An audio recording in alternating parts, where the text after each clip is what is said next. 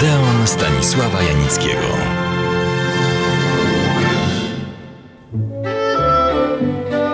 Jadwiga Smosarska była królową polskiego filmu. Tego dawnego, minionego, a teraz bardzo często przywoływanego.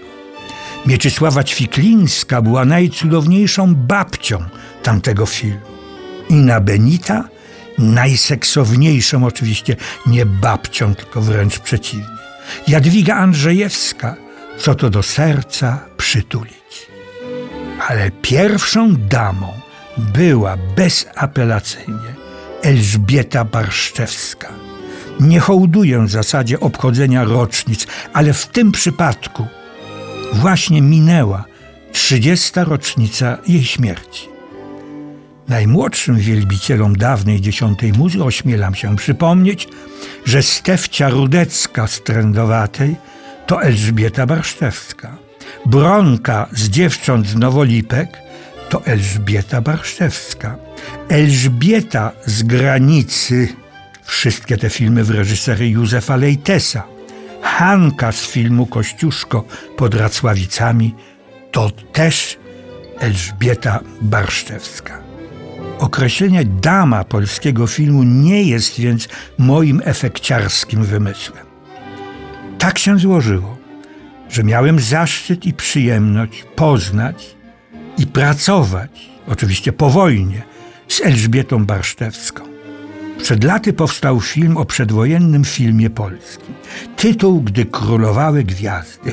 Poproszono mnie o udział w tym filmie. Propozycja była bardzo konkretna napisałem scenariusz i prośba, żebym porozmawiał z Elżbietą Barszczewską o jej najpopularniejszej roli, czyli tytułowej w polskim melodramacie wszechczasów trendowatej.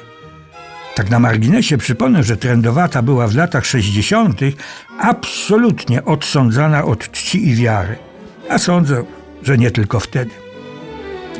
Okazało się, że pani Barszczewska trendowatej po wojnie nie widziała. Tym ciekawsze mogły być jej wrażenia po tylu latach. Spotkaliśmy się w sali projekcyjnej Wytwórni Filmów Oświatowych. Wytwórni, z którą współpracowałem, a po kilku latach też w niej pracowałem już jako reżyser. Takiej ciszy, jak podczas tej projekcji, dawno a chyba po dziś dzień nie słyszałem. Kiedy pojawił się napis koniec, wszyscy obecni zamarli. Jak na ten film zareaguje ta, która kreowała w nim główną, ba tytułową, dzisiaj powiedzielibyśmy kultową rolę? Elżbieta Barsztewska ze swoim niezwykłym, trudnym do określenia, ale ujmującym uśmiechem wyliczała, błędy warsztatowe, czyli błędy w grze, jakie ona popełniła. A czyniła to nie tylko z ogromnym wdziękiem i dystynkcją, ale też perfekcyjnym znawstwem zawodu, który uprawiała. A kiedy, rzecz jasna, okrężną drogą zapytałem o jej stosunek, ocenę, wrażenia dotyczące istoty rzeczy, czyli tej nadzwyczaj łzawej, melodramatycznej, w gruncie wydumanej opowieści. Pani Elżbieta Barszczewska, znowu z tym wewnętrznym, zadumanym uśmiechem, patrząc gdzieś w daleką przeszłość, także naszego dawnego filmu odpowiedziała: Przecież to jest opowieść uniwersalna. Opowiada o wielkiej miłości, która niestety nie mogła być zrealizowana, cytuję, z przyziemnych powodów towarzysko-ekonomicznych. A żeby nie wpaść w ton zbyt ckliwy, Zygmunt Chmielewski, który w tym arcymelodramacie, jakim jest bez wątpienia trendowata, wypowiada owe brzemienne w skutkach słowa i to do ordynata zakochanego bez pamięci w Stefci Rudeckiej – dla nas będzie ona zawsze trendowata. Ale Zygmunt Chmielewski opowiadał, jak to trzeba było kilka razy tę bardzo trudną scenę powtarzać, ponieważ okazało się, że, cytuję, przed nosem pani Barszczewskiej latała duża mucha, a potem usiadła jej na dekolcie.